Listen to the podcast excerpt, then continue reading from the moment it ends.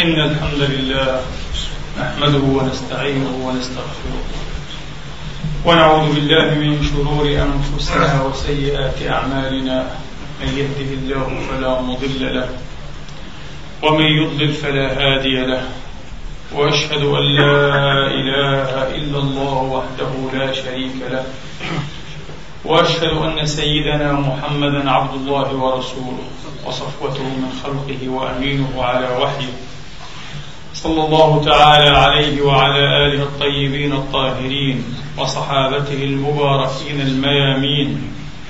واتباع بإحسان إلى يوم الدين وسلم تسليما كثيرا. عباد الله أوصيكم ونفسي الخاطئة بتقوى الله العظيم ولزوم طاعته كما أحذركم وأحذر نفسي من عصيانه ومخالفة أمره.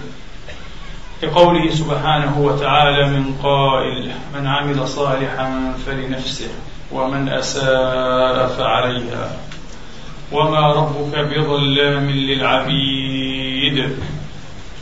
ثم أما بعد أيها الإخوة المسلمون الأفاضل أيتها الأخوات المسلمات الفاضلات يقول المولى سبحانه وتعالى في كتابه العزيز بعد أن أعوذ بالله من الشيطان الرجيم. بسم الله الرحمن الرحيم. اقرأ. اقرأ باسم ربك الذي خلق. خلق الإنسان من علق. اقرأ وربك الأكرم الذي علم بالقلم. علم الإنسان ما لم يعلم. كلا إن الإنسان ليطغى. أن رآه استغنى. إلى ربك الرجعى. صدق الله العظيم. وبلغ رسوله الكريم. ونحن على ذلك من الشاهدين. أيها الإخوة الأفاضل الأخوات الفاضلات. اقرأ وربك الأكرم. وفي آية أخرى يقول سبحانه وتعالى ولقد كرمنا بني آدم. وحملناهم في البر والبحر. ورزقناهم من الطيبات. وفضلناهم على كثير ممن خلقنا تفضيلا. ولقد كرمنا. وفي ثالثة يقول جل مجده وجعلكم شعوبا وقبائل لتعارفوا إن أكرمكم عند الله أتقاكم. إن أكرمكم. ولقد كرمنا. اقرأ وربك الأكرم. إنه الكرم. إنه العطاء الجود السخاء الهبات الإلهية. هل ثم تجامع مشترك بين هذه الثلاث الآيات؟ نعم. لو أنعمنا النظر أيها الإخوة وغلغلناه في هذه الآيات الثلاث لبان لنا ووضح هذا الجامع المشترك. إنه جامع التواصل. إنه جامع التواصل. الله تبارك وتعالى كرم هذا المخلوق الآدمي وحمله في البر والبحر. لماذا؟ لكي يتواصل. لكي يتعارف. لكي يتقارب ويختزل الجغرافيا. وهكذا تتقارب الأفكار والثقافات.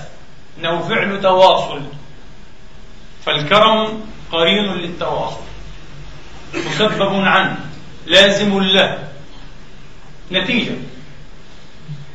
وجعلكم شعوبا وقبائل لتعارفوا إن أكرمكم أيضا. تواصل.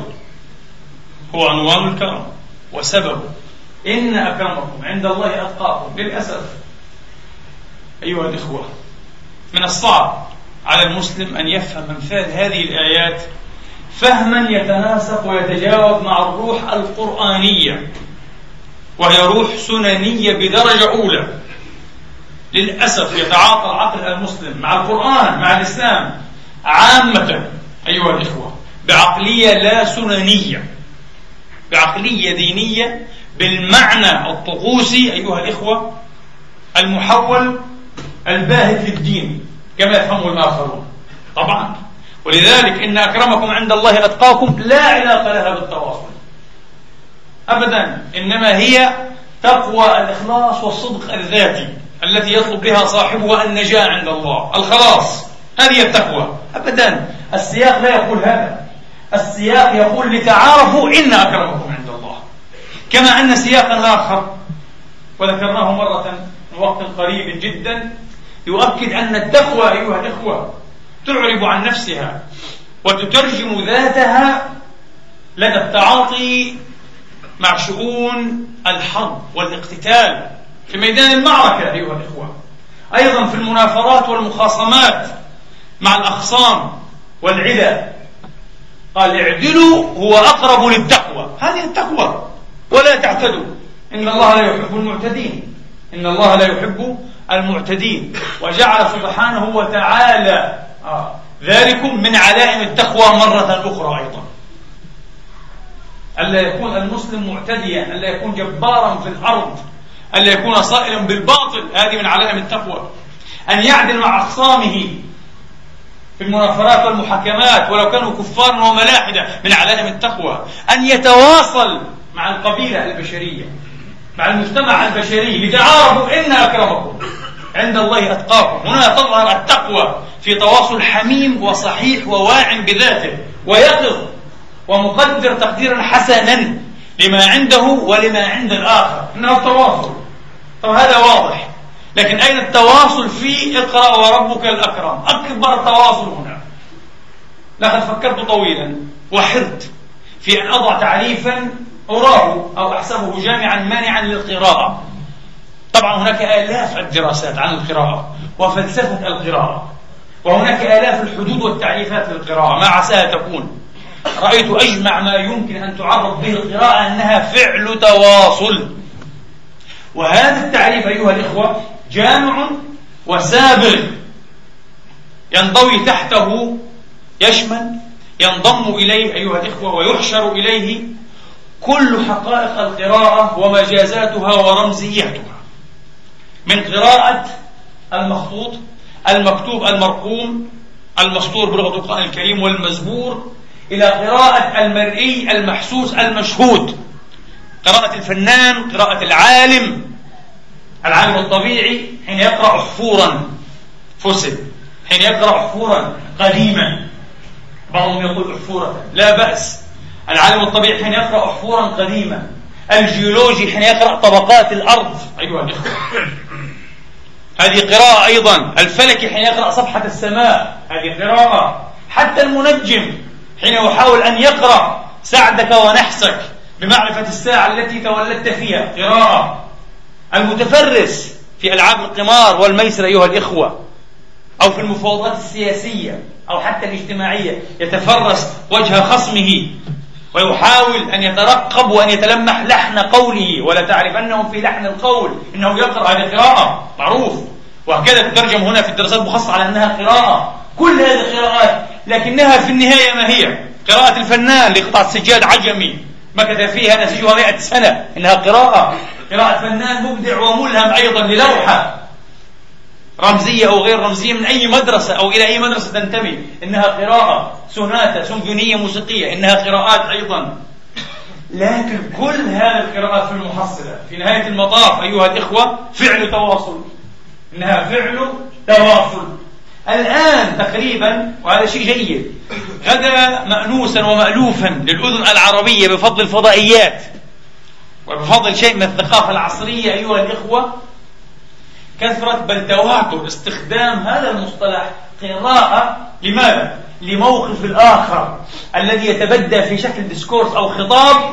هذا الخطاب أحيانا لا يكون خطابا شفاهيا أو كتابيا إنما يكون خطابا فعليا.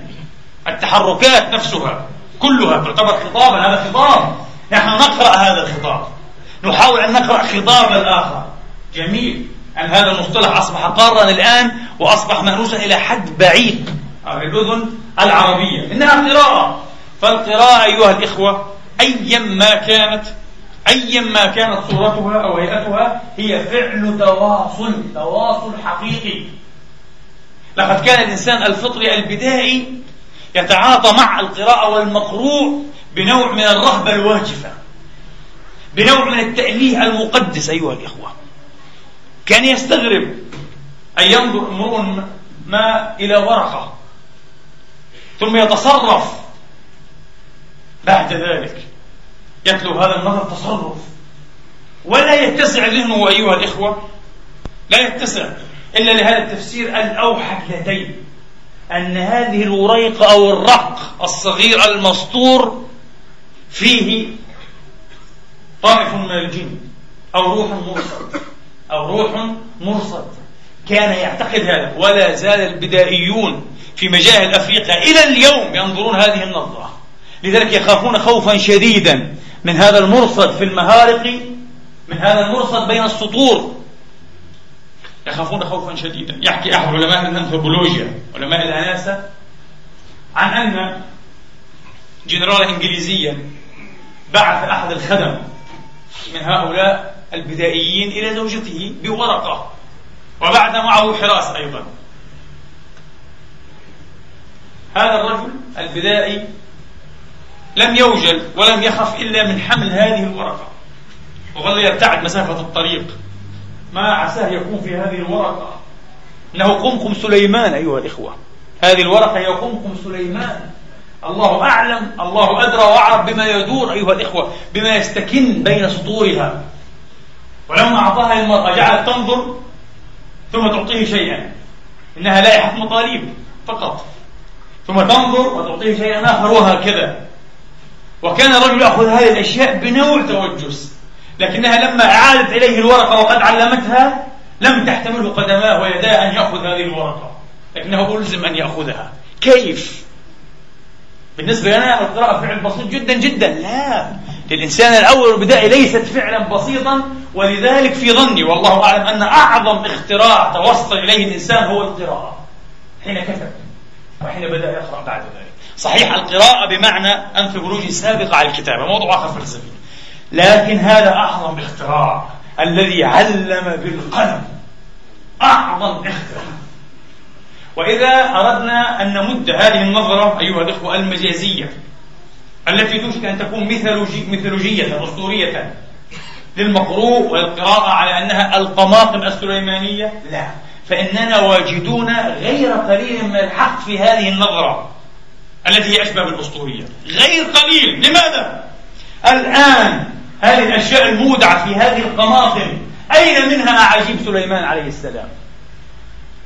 أين بساط الريح؟ من سفن فضائها؟ لا شيء. لا شيء. أين القوة التي سخرت له من القنابل الذرية والهيدروجينية لا شيء. لا شيء. وهذا كله موجود ومزبور ومسطور في المهارة في هذه القماقم اللعينة أو المباركة لا ندري. في هذه القماقم المخيفة.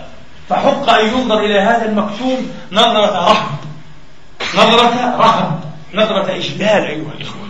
نظرة ارتياع وخوف. هكذا فالبدائي يبدو أنه هو النسخة المسودة الأولى منا. مسودات الخلق. يبدو أنه أقرب إلى التقاط هذه الحقيقة البديعة العجيبة التي كف كلنا تقريبا عن أن يطرح التساؤلات إزاءها للبلادة التي رانت علينا. الطفل فقط هو إيه؟ غير بليد. كل الأعاجيب أيها الإخوة تغدو غير أعاجيب بالتبلد والإنف ومن هنا يأتي دور القراءة. أن تعيد إلينا يخضة الطفولة دهشتها سآليتها. بكارة هذا الفطري البسيط الراهب الواجب هذه أول وظائف القراءة وأول فوائد وعوائد القراءة. أن تعيد إلينا هذه الروح التي فقدناها. ولكي يقرب هذا المعنى أقول لكم أيها الأخوة والأخوات. لو أن صبيا صغيرا ابن ستة أشهر أو سنة رأى في البيت حيث يجلس يجلس ذووه أبوه وأمه وأخوته الكبار. رأى من حيث لا يرونهم. الأب وقد ارتفع في الهواء وجلس متربعا. هل ترونه سيدهش؟ أبدا. شيء طبيعي بالنسبة للطفل هذا. غير مدهش. لماذا؟ ليس مدهشا بمقدار ما, ما أن أباه هو يدهش أيضا. نفس الشيء. ما الفرق؟ لكن لو رأت أمه زوج هذا الرجل هذا المشهد مباشرة لدارت رأسها وأغمي عليها مباشرة. ما الفرق أيها الإخوة؟ كل شيء عند الطفل أيها الإخوة متساو يفقد روعته وهو إيه؟ وهو رائع عند الطفل. كل شيء رائع. كل مشموم كل مرئي كل محسوس. وليرجع أحدكم بخياله الخصيب الغزير إلى ذكريات الإحساسات الأولى. أول بطيخة رأيتها في حياتك. كيف؟ أتذكر ذلك؟ شيء عجيب. أنا لا أستطيع أن أعبر عن هذا. دائما هذا يفارقني مشهد القمر حين رأيته أول ذكرى لك. لا يمكن أن ترأيه لمرة واحدة. لم تره بعد ذلك بهذه الكيفية. شيء لا يعبر عنه. القراءة فيها نفس السر وفيها نفس السحر. إننا كما قال سارتر في سيرته الذاتية نتلقى العالم كله مهضوما ومتمثلا ومصنفا ومعه بطاقات تعريف في الكتب. صحيح. العالم مختزل الوجود مختزل بطريقة ما. ليست طريقة كلية شاملة لكن بطريقة ما. لذلك كان رائعا جدا هذا الرجل الذي قال حين زرت حديقة الحيوان في باريس لأول مرة وقد قرأت عنها الكثير ورأيت صور أكثر حيواناتها في الكتب المتخصصة. قال هالني أنني رأيت القرد أقل قردية. الصورة التي تركها الكتاب للقرد تختلف عن صورة القرد في الواقع. إنها أكثر حياة أيها الإخوة. أكثر نبضا. أكثر جمالا. أكثر إثراء وإغراء ودغدغة لمشاعر وخيال هذا الطفل البسيط الكائن الفطري مسودة الإنسان. مسودة الخلق. لقد رأيت القرد أقل قردية ورأيت بالتالي الإنسان أقل أنسنة في الواقع. إن عالم الكتاب عالم القراءة أحيانا يكون أكثر جمالا وأكثر عمقا وأكثر ثراء من الواقعية. العالم العيني الحقيقي. اقرأ وربك الأكرم. قلنا مرة أيها الإخوة إن الطفرة ولا نقول التغيير أو التطور الطفرة التي أحدثها الإسلام العظيم في هذه الأمة التي كانت أمة على هامش التاريخ وهامش الأمم وهامش المجتمعات أمة مسكينة فقيرة غلبانة مضحوك عليها من الشرق والغرب من الروم والفرس. هذه الطفرة من أين بدأت؟ لابد أن نقرأ أيها الإخوة البيان. الإعلان الأول مانيفستو يسمونه. لابد أن نقرأ البيان الأول لهذا الدين. قلنا هذا غير مرة. وهذه لحظة مهمة جدا. وعظيمة ونادرة أيها الإخوة أن ولادة أمة وولادة حضارة سجلت وكثفت وركزت بطريقة قطعية واضحة. الكل مجمع. على أن هذا البيان كان أول بيان وأن هذه الكلمة كانت أول كلمة لا شك في ذلك. فهذا أول ما أنزل أول ما جاءت به السماء على الأرض. أيها الإخوة. الأمم الأخرى من المستحيل تقريبا. اسأل اليونان اسأل الرومان اسأل غيرهم وغيرهم. الفرس الهنود يمكن أن يقول لك نعم أستطيع أن أضع إصبعي تحديدا على البداية الأولى مكثفة مركزة في ولادة شخص أو ولادة فكرة أو انبثاق عقيدة أو تصور وجودي. مستحيل. صعب جدا هذا. قد قرأنا حضارات هذا غير موجود. في الإسلام موجود. إن الانبثاق الأولى لحظة التولد أيها الإخوة كانت هي اقرأ. أول ما أنزل الله تبارك وتعالى. اقرأ. المسلم القديم الذي تعاطى مع النص الإلهي بعقلية سننية. بعقلية سننية لا بعقلية اختزالية طقوسية دينية بالمعنى السالب للديني كما يفهمها الغربيون. تعاطى مع هذه الآية بشكل غير عادي أيها الإخوة. هذا التعاطي هو الذي جعله ينشئ حضارة عظيمة ويتواصل مع مختلف الثقافات والعلوم والآداب والفنون ويؤكد شهادته باقتدار وجدارة على عالم زمانه باقتدار وجدارة. هكذا فعل المسلم. مسلم اليوم لا يفعلها وهو إذا ظل على هذه الحالة وعلى هذه الطريقة من التفكير لن يفعلها أؤكد لكم آسفا ومحبطا لن يفعلها. مسلم اليوم مثلا كل القضايا عنده أيها الإخوة محلولة سؤالاته قليلة وجواباته كثيرة. هذه مشكلة الإنسان المتجمد. الإنسان المتحرك اليقظ الواعد سؤالات كثيرة جوابات قليلة. طبعا كي أتحرك وأظل أتحرك. لابد أن يكون هناك مدى دافعي من خزين هذه الأسئلة التي تعكس وتبرر وتترجم نفسا قلقة وعقلا حائرا جوابا مغامرا ثائرا مكتشفا متطلعا مستوفزا دائما. هذا هو سؤالات كثيرة جوابات قليلة. لا المسلم المعاصر البسيط الذي لم يقرأ في حياته عشرين كتابا عنده جواب على كل مسائل الوجود على كل المسائل بإطلاق. لو سألته كيف بدأ الخلق؟ وهذا ينبغي أن يكون جوابه أيها الإخوة تتويجا لمغامرة فكرية لا تستهلك عمر إنسان بل عمر أجيال وأحيانا عمر حضارات ولا نصل إلى ما نقطع قطع اليقين في جواب هذا السؤال وأمثاله. لا نصل إلى شيء نقطع به قطع اليقين. سيروا في الأرض ثم انظروا كيف بدأ الخلق ثم الله ينشئ النشأة الآخرة. انظروا كيف بدأ الله الخلق. لو تقرؤون المتخصصون ممكن فعلوها. لو تقرؤون أيها الإخوة هذه المغامرة المثيرة جدا المعجبة المدهشة. لهذا العقل الجواب الذي استجاب دون أن إيه؟ أن يقرأ هذا الأمر الإلهي للأسف استجاب استجابة الفطرة. لأن الإله دائما هو فطري. الوحي الإلهي دائما يتناغم مع الفطرة. ومن هنا صدقيته ومن هنا صلوحيته أيضا. ومن هنا صلوحيته. استجابوا دون أن يقرأوا هذا الأمر لكن استجابوا للأمر الكوني لأمر يدافع أو دافعية الفطر لو تقرؤون فصلا أو فصولا. من مغامرة هذا العقل المثيرة جدا. وكيف وصلوا؟ وكيف حاولوا بناء نظرية تفسر كيف كانت بداية الخلق؟ شيء عجيب جدا. شيء عجيب مدهش. وافقته لم توافقه طبعا لسنا أهلا لأن نعلن رأينا في هذه القضايا التخصصية ولكن لا تستطيع إلا أن تعبر وتترجم عن اندهاشك وإجلالك لهذه المغامرة المشيرة الجسورة الجريئة. أما المسلم البسيط والمسلم حتى المثقف لا المسألة عنده سهلة لأنها غير سننية. كن فيكون الله خلق الله خلق الإنسان من تراب وقال له كن فيكون. هذه طريقة غير سننية. لا تفهمون شيئا هذه للأسف. هذه تضيع علينا أيها الإخوة أن نخوض هذه المغامرة الفكرية والعلمية المثيرة كما خاضتها الأمم. كن فيكون ما معنى كن فيكون؟ الله خلق كل شيء بكن فيكون. ولكنه انتبهوا لم يقل كن فكان قال فيكون. بروسس عملية إنها عملية مستمرة وطويلة جدا. السماوات والأرض كان بوسعه تبارك وتعالى أن يحدثهما في لا زمان أصلا. لكنه قال في ستة أيام وهو أدرى. سنشرح هذا في الخطبة إن شاء الله أي أخرى بحيالها. هو أدرى عز وجل بالمراد بهذه الأيام الستة. لكنها قطعا ليست من أيامنا هذه. هي من أيام الله. الله أعلم بأمدادها أيها الإخوة وأعدادها. أعداد يعني ما ذخر فيها واستكن. قياسا إلى أيامنا هذه. الله أعلم. قال ستة أيام. هذا كن فيكون عيسى عليه السلام. حتى يجمع على ذلك تقريبا معظم الطوائف المسيحية والمسلمون طبعا معهم. حملت به أمه أشهرا تسعة.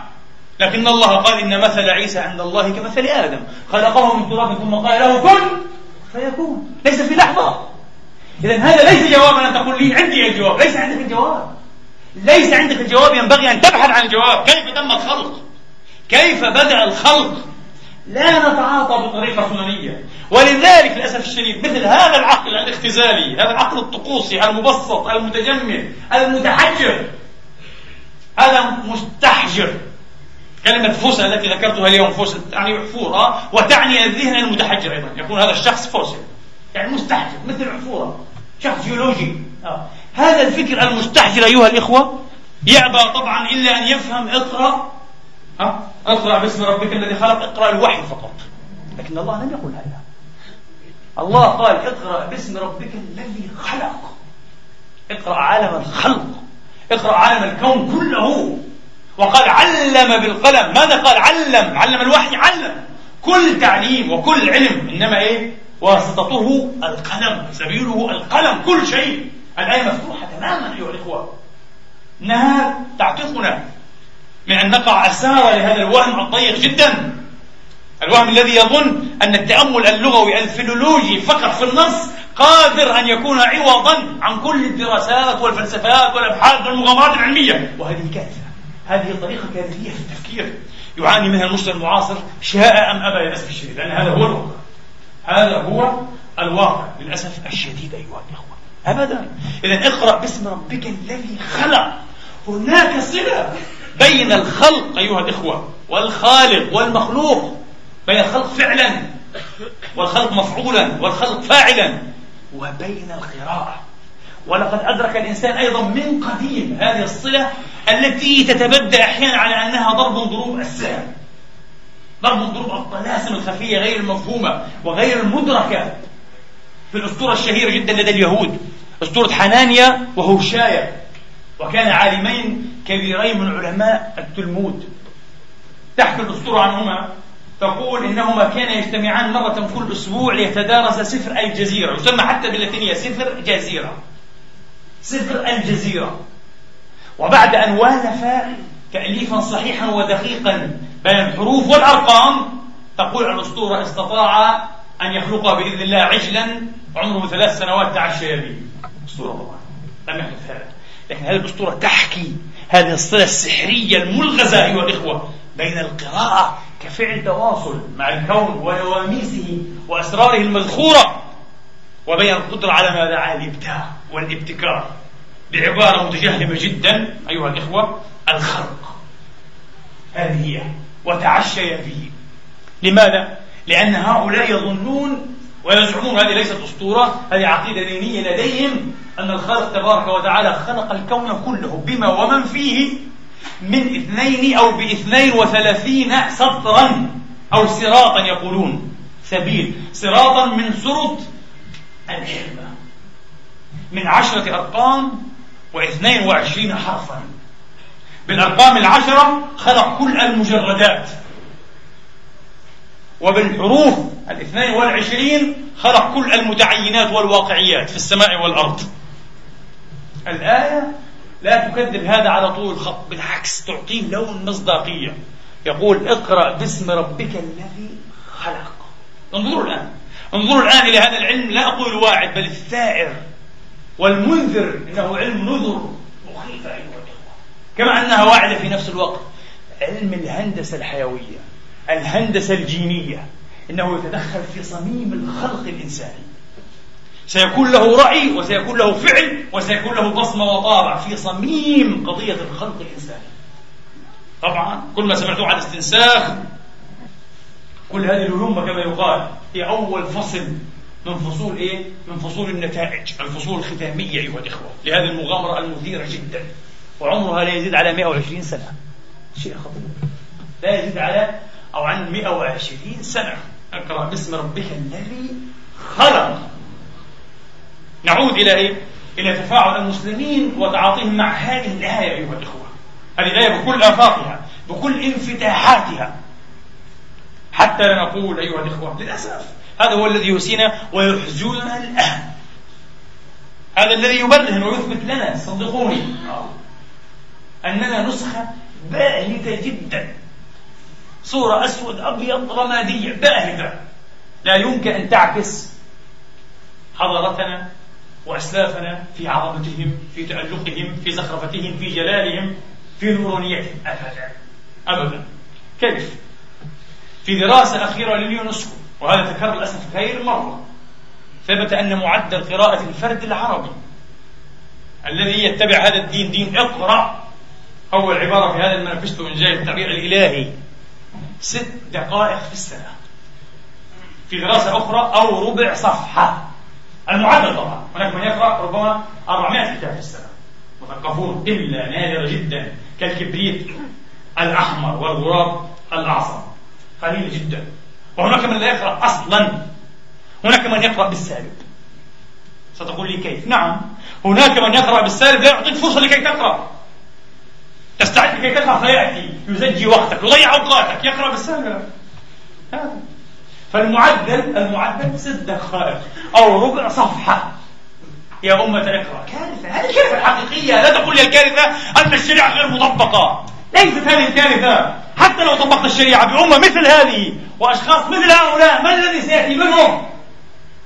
أفكار التكفير والقتل وفقط أيها الإخوة يحكمون على عصرهم بما قال الطبراني وابن تيمية. هذا كل ما لديهم. مساكين كالذي قتل طبيبا انجليزيا لأن ابن تيمية افتى بذلك. قبل 800 سنة من قبله افتى هذا هو.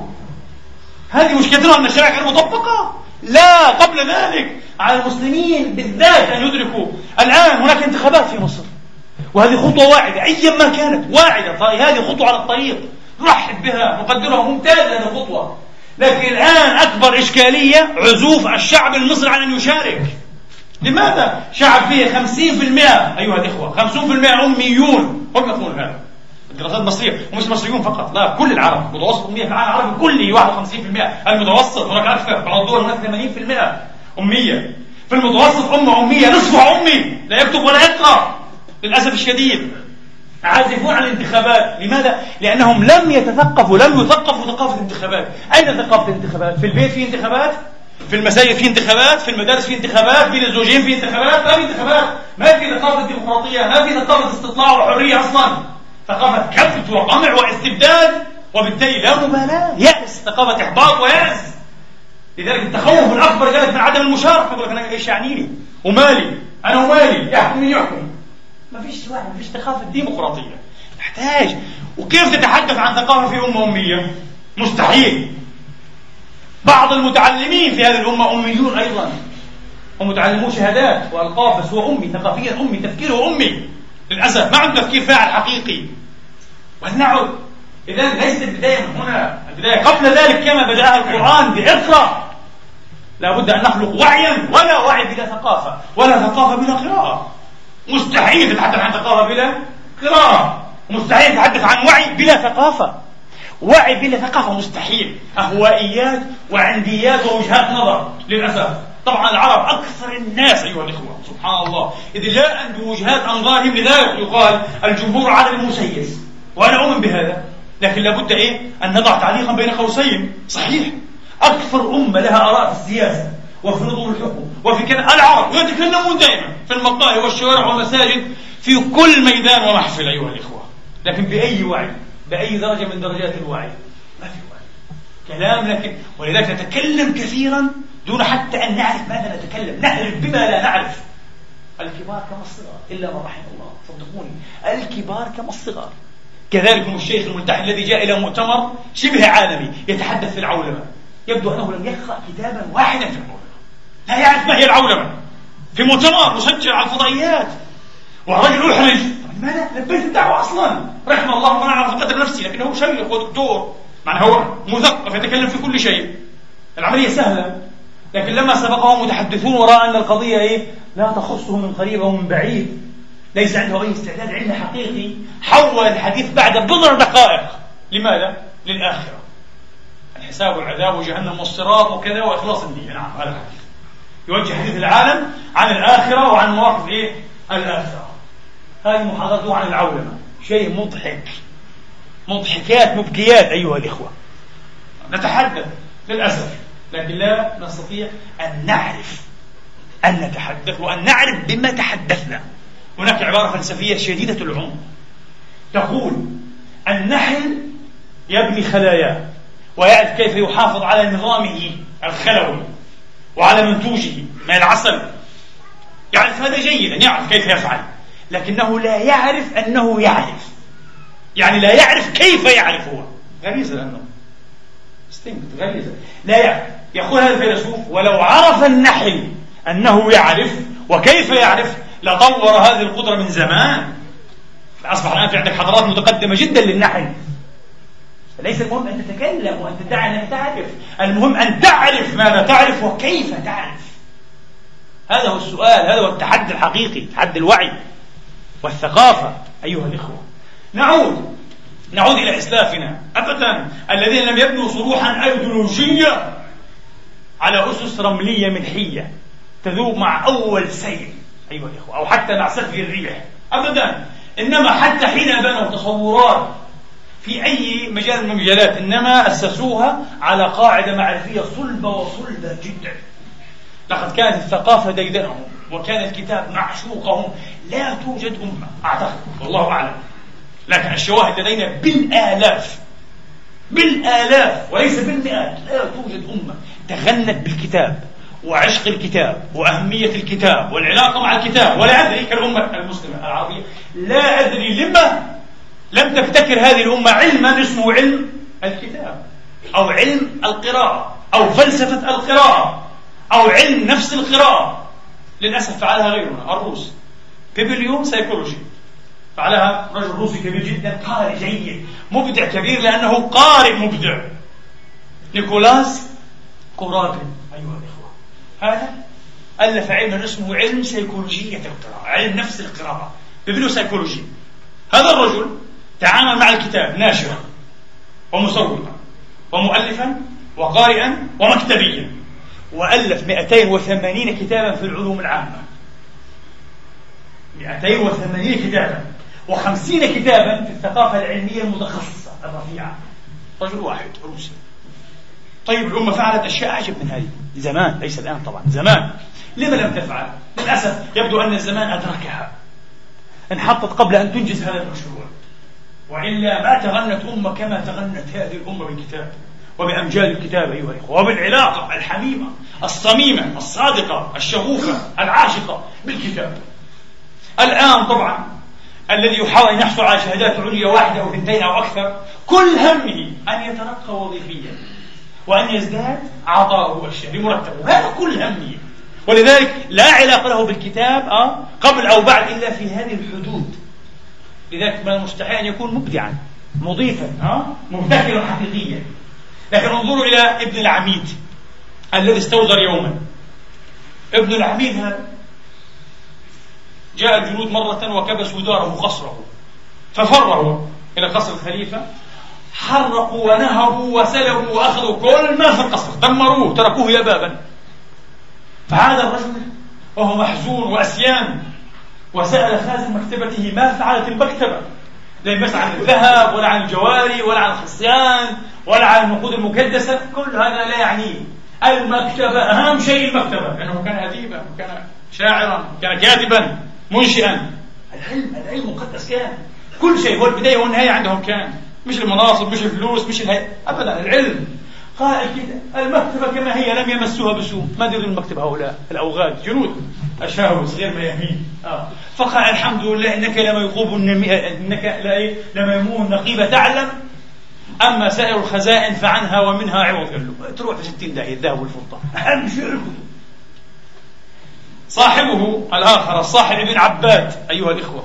وهما الوزيران اللذان ذمهما أشد الذم أبو حيان التوحيد في في مثال الوزيرين. الصاحب وابن العميد. على كل حال الصاحب ابن عباد عرض عليه أو عرض عليه أعظم منصب يسموه الصدر الأعظم يعني زي رئيس وزراء اليوم. منصب الصدر الأعظم في بلاط نوح ابن منصور الساماني. فرفض. تعلمون لماذا؟ ليس لأنه زاهد في المناصب. هو يريد المنصب. لا بأس بالمنصب أن يخدم أمته من خلاله. ولكن لأن مكتبته عظيمة جدا. من الصعب جدا أن تنقل من بلد إلى بلد. فهو لا يستطيع أن يضحي بمكتبة فضحى بالمنصب من أجل أن يبقى في جوار أو بجوار مكتبته. حي الله هذه الأرواح. هذه النفوس هذه الأرواح أيها الإخوة. ولذلك كما قلت لكم كانت صلتهم بالكتاب صلة عشق وولا ولا حقيقي من أين أبدعوا؟ بفضل هذه الصلة. الجاحظ أكبر منشئ وأعظم قارئ في التاريخ الإسلامي. أكبر قارئ الجاحظ كيف تسنى الجاحظ أن يترك لنا مكتبة برأسها من تأليفه مكتبة كاملة. الجاحظ لو عاش ومات وترك كتاب الحيوان وحده لكفى لكن هذا الكتاب يقال من 250 كتابا ويقال أكثر ويقال أقل. ما وصلنا إلا إيه؟ زهاء 40 منها للأسف الشديد من كتب الجاحظ دمرت المكتبة العربية في أكثر من مناسبة. للأسف الشديد. الجاحظ كان يكتري دكاكين الوراقين والنساخين. يكتريها بالفلوس ويجلس فيها في الليل. ليس معه من أنيس إلا الكتب والهمة القعساء والعزم الذي ينثني وذبالة الشمعة أو السراج لا ينام. أيها الإخوة يقرأ ليل نهار. يقرأ كل شيء. يقولون هذا مثقف. أديب ليس عالم أديب لا علماء الدين أيضا نفس الشيء. أبو المعالي الجويني رحمة الله تعالى عليه. الملقب بإمام الحرمين وشيخ الإسلام وهو شيخ الإمام أبي حامد الغزالي حامد تلميذه. وكان يوصف بأنه من أذكياء البشر وبواقع الدهر يقول درست خمسين ألفا في خمسين ألف.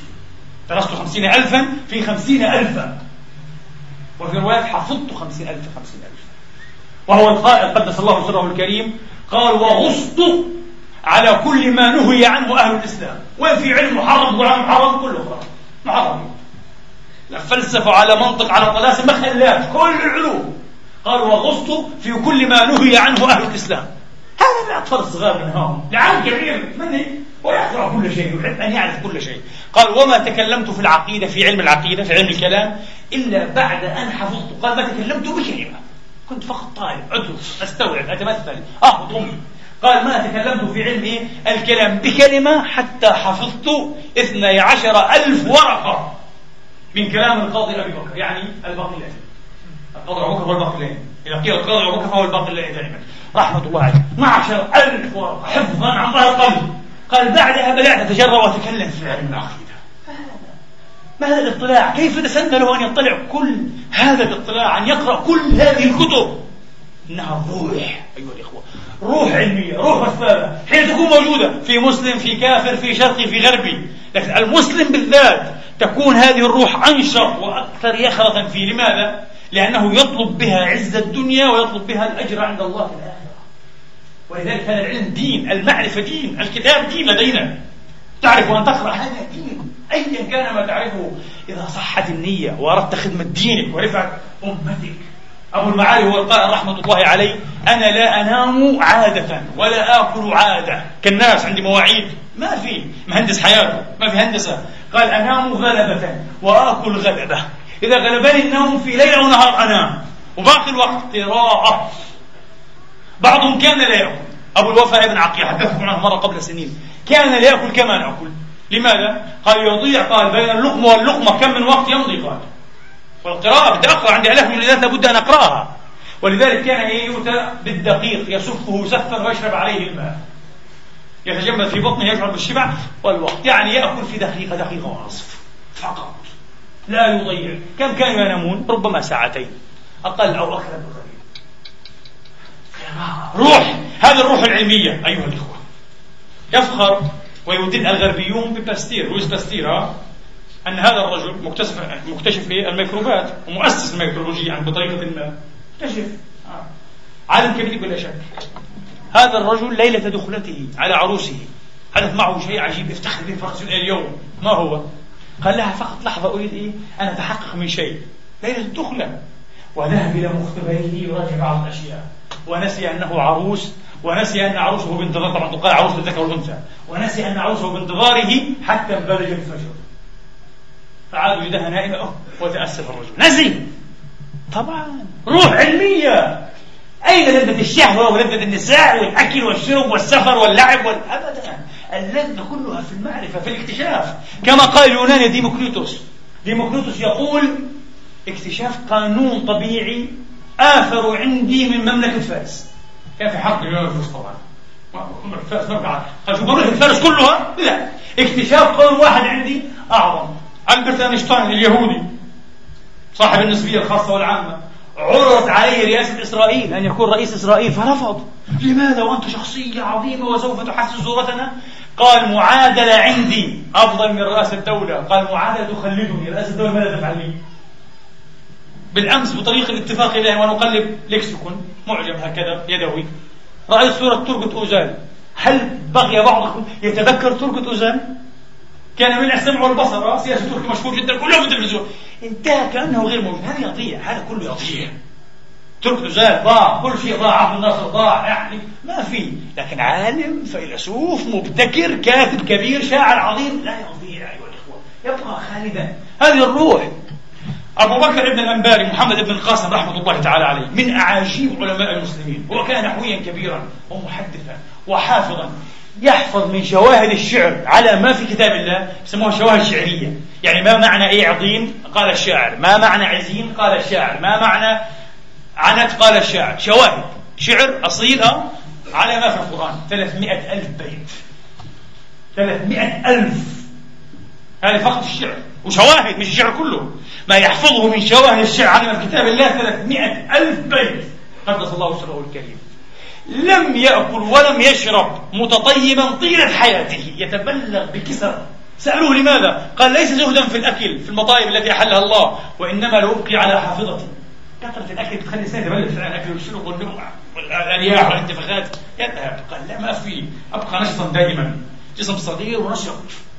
هذا الشيخ أبو بكر بن الأنبار محمد بن قاسم رحمة الله تعالى عليه كان يتردد على أولاد الخليفة الراضي بالله الخليفة العباسي وذات مرة جاءته جارية من جوار الراضي قالت له يا شيخنا يا أبا بكر رأيت رؤيا في المنام؟ قال أي شيء هي؟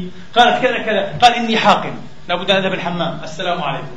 هو لم يقرأ كتابا في تعبير الرؤى فأخذ أي أعظم كتاب مشهور كتاب الكرماني ها في عجائب الرؤيا قرأه في أقل من ليلة فأصبح معبرا. حدث كل ما فيه.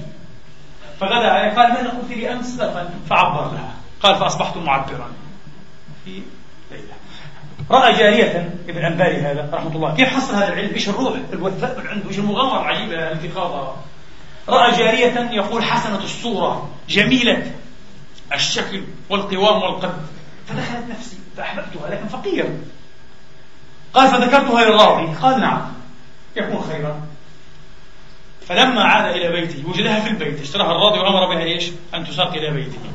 فقال كوني فوق في العلية حتى أستبرئك لابد أن تستبرئي على قلب حيضة حتى أعرف هي حامل أو حائل. قال وكنت مشغولا بمسألة فشغلتني عن عن علمي. جالس أفكر فيها وبجمالها ومتى تبرأ ومتى آتيها. قال لها انزلي خذها يا فلان اذهب النخاسين قالت يا سيدي أنا جارية جمعتي طيبة بين الناس. واشتريتني وسيرتني آه مرجوعة في أقل من يوم. فلعل بعضهم يتحدث فيه بما لا يليق. قال لا قولي شغلتيني عن علمي. قالت عجيب أمر هذا الرجل. بلغ أمره الراضي قال ما أحد ينبغي أن يكون العلم أحلى في صدره من هذا الرجل. إيش؟ هذا طالب علم.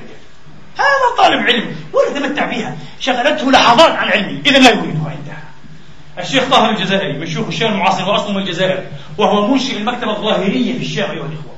من أكبر مكتبات المخطوطات الإسلامية والعربية الشيخ طاهر كان شيخ علم وعاش ومات عزبا لم يتزوج من أجل العلم أيها الإخوة في محراب العلم. لبس مرة جبة جديدة أهديت إليه. فأعجبته قليلا فجعل ينظر إليه شكلت آه. فكان يمشي مع بعض العلماء وهو من أكابر علماء الإسلام في القرن العشرين وكان في ثمان لغات شرقية رحمة الله عليه. علامة كبير وشيخ. فأقرب بركة رآها قذف نفسه فيها. ثم أخذ أي جبته ثم عصرها. أيها الإخوة فطبعا ساء شكله ومنظره أصبح قبيح جدا. قال هكذا أحسن حتى لا تشغلني. إحنا عايشين العلم عايشين الجواب والمظاهر والكلام الفارغ السخافات العلم. العلم. سئل الإمام أحمد رحمة الله عليه. إلى متى يا إمام؟ دائما معه أوراق وقلم. يكتب يكتب يكتب. كتب ألف ألف حديث. قال كتبت بيدي هذه ألف ألف حديث مليون حديث. ويحفظها كان بأسانيدها ومتونها ولسه لا زال يكتب ويتعلم. ويعلق إلى متى يا إمام؟ قال من المحبرة إلى المقبرة. كما يقول المهدي إلى اللحد. وكما قال سارتر. قال فقدت جدي وأمي وأنا صغير. لكن وجدت نفسي بين عائلة أفرادها بالمئات. الكتب قال بين الكتب بدأت وبينها سأموت سارتر. فيلسوف عظيم بلا شك وأديب. وبحمد الله انتهى في الأخير إلى صيغة إيمانية بفضل الله. ذكرته في محاضرة قبل أسابيع. هذا بدأ ملحدا وانتهى إلى صيغة إيمانية. آه. شيء خطير في حياته قال بين الكتب بدأت وبينها سأموت. هكذا. كان أحدهم إذا نكب في كتابه كأنما نكب في ابنه أو أشد. بل كانوا يعتبرون أن كتبهم هي أبناؤهم وأولادهم. هي أكلاد أكبادهم قال أبو الفتح البستي رحمة الله تعالى عليه يقولون إن المرء يحيا بنسله وليس له ذكر إذا لم يكن نسل فقلت لهم نسلي بدائع حكمتي فإن فاتنا نسل فإن بها نسل. تعزينا في عزونا. قال فقلت لهم آه نسلي بدائع حكمتي فإن فاتنا نسل فإن بها نسل. هي عزاؤنا وسلواننا. الكتب قال. أبنائي قال. هذه مثل هي أبنائي. حقيقة الباحثة الألمانية العظيمة الدارسة. ومؤرخة الحضارة الإسلامية والآداب الإسلامية أن ماري شيمل رحمها الله انبذت على الإسلام تركت زهاء ثمانين كتابا ودراسة عن حضارة وفنون المسلمين وكانت أيضا تحذق أزيد من ثمان لغات شرقية عمقا تاما بما فيها العربية وتقرض الشعر بالإنجليزية وبالعربية أيضا باحثة عظيمة جدا جدا عندها الدكتوراه بامتياز وهي بنت 22 سنة. هذه آن ماري شبل ماتت قبل سنوات؟ بضع سنوات. آه. لما قامت الحرب العالمية وكان لابد أن تفر من من الحي ومن بيتها ماذا تأخذ؟ الذهب النقود لابد أن تأخذ شيئا. اختارت أن تأخذ كتابا تعتز به من تراثنا الإسلامي أهم شيء عندها هذا مثل الإبل هذا ثروتها وهو المثنوي لمولانا جلال الدين الرومي. قالت عشت معه أربعين سنة. قالت والصوفيون يقولون العارف لا يولد إلا في أربعين وقد عايشت مولانا أربعين سنة. وأنتجت عنه في نظري أعظم دراسة قرأتها أنا عن مولانا الشمس المنتصرة. أعظم وأعمق دراسة وضعت عن مولانا جلال الدين الرومي رحمة الله عليه. تفر بكتاب أيها الإخوة. تفر بكتاب يحدثنا ابن خليكان رحمة الله عليه في وفوات الأعيان في ترجمة الشريف القاسم المرتضى. يقول كان لأبي الحسن الفاري الأديب المحدث الشاعر نسخة جيدة ممتازة. من الجمهرة كتاب معجم في اللغة هذا معجم لغوي. آه لابن دريد. الجمهرة معروف جمهرة اللغة اسمه لابن دريد أبي بكر ابن دريد. نسخة ممتازة عنده. أحوجته الأيام والليالي أيها الإخوة فاضطر إلى بيعها إلى بيع هذا الكتاب. بعد أن عايشه عشرين سنة يتعلم ويعلق عليه. فباعه فاشتراه إيش؟ الشريف هذا. رحمة الله عليه بستين دينارا ذهبا. ولما جعل يتصفحه وجد على حاشية من حواشيه أبياتا. أبيات من الشعر؟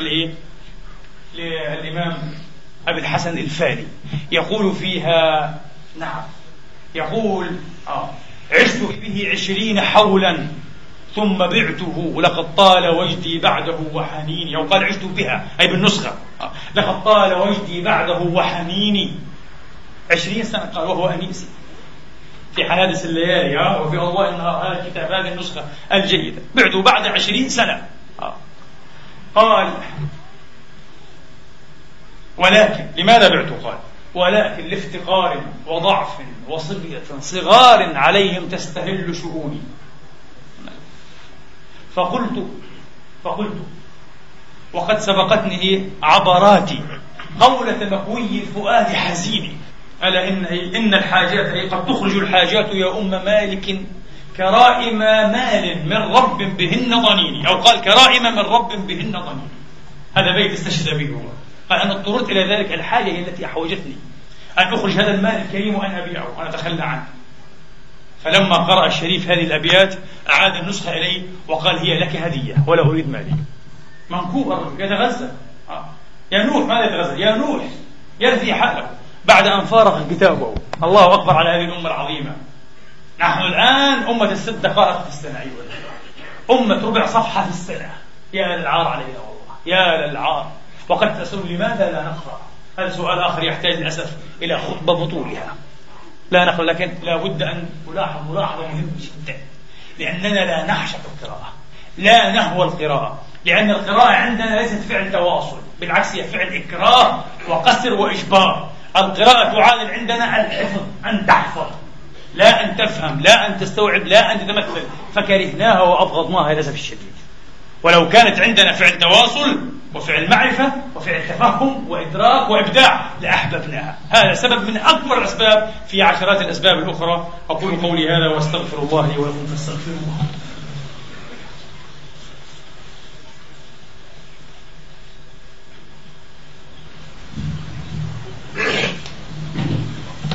الحمد لله الحمد لله الذي يقبل التوبة عن عباده ويعفو عن السيئات ويعلم ما تفعلون ويستجيب الذين آمنوا وعملوا الصالحات ويزيدهم من فضله والكافرون لهم عذاب شديد. وأشهد أن لا إله إلا الله وحده لا شريك له. وأشهد أن سيدنا محمدا عبد الله ورسوله. صلى الله تعالى عليه وعلى آله وأصحابه وأتباعه وسلم تسليما كثيرا. اللهم إنا نسألك الهدى والتقى والعفاف والغنى لا تدع لنا في هذا اليوم الكريم ذنبا إلا غفرته ولا هما إلا فرجته ولا كربا إلا نفسته ولا ميتا إلا رحمته ولا مريضا إلا شفيته ولا غائبا إلا رددته. ولا أسيرا إلا أحسنت فكاكه ولا حاجة من حوائج الدنيا والآخرة. لنا فيها صلاح ولك فيها رضا إلا أعنت على قضائه بمنك وفضلك يا رب العالمين. اللهم اغفر لنا ولوالدينا وارحمهم كما ربونا صغارا. وجزهم بالإحسان إحسانا وبالإساءة غفرانا. واغفر اللهم للمسلمين والمسلمات المؤمنين والمؤمنات الأحياء منهم والأموات. بفضلك ورحمتك إنك سميع قريب مجيب الدعوات. اللهم إنا نسألك أن تنصر الإسلام وأن تعز المسلمين وأن تعلي بفضلك كلمتي الحق والدين. اللهم انصر من نصر المسلمين واخذل من خذل المسلمين. إلهنا ومولانا رب العالمين. عباد الله إن الله يأمر بالعدل والإحسان وإيتاء ذي القربى وينهى عن الفحشاء والمنكر والبغي. يعظكم لعلكم تذكرون. اذكروا الله العظيم يذكركم. اشكروه يزدكم وسلوه يعطكم وقوموا إلى صلاتكم يرحمني ويرحمكم الله.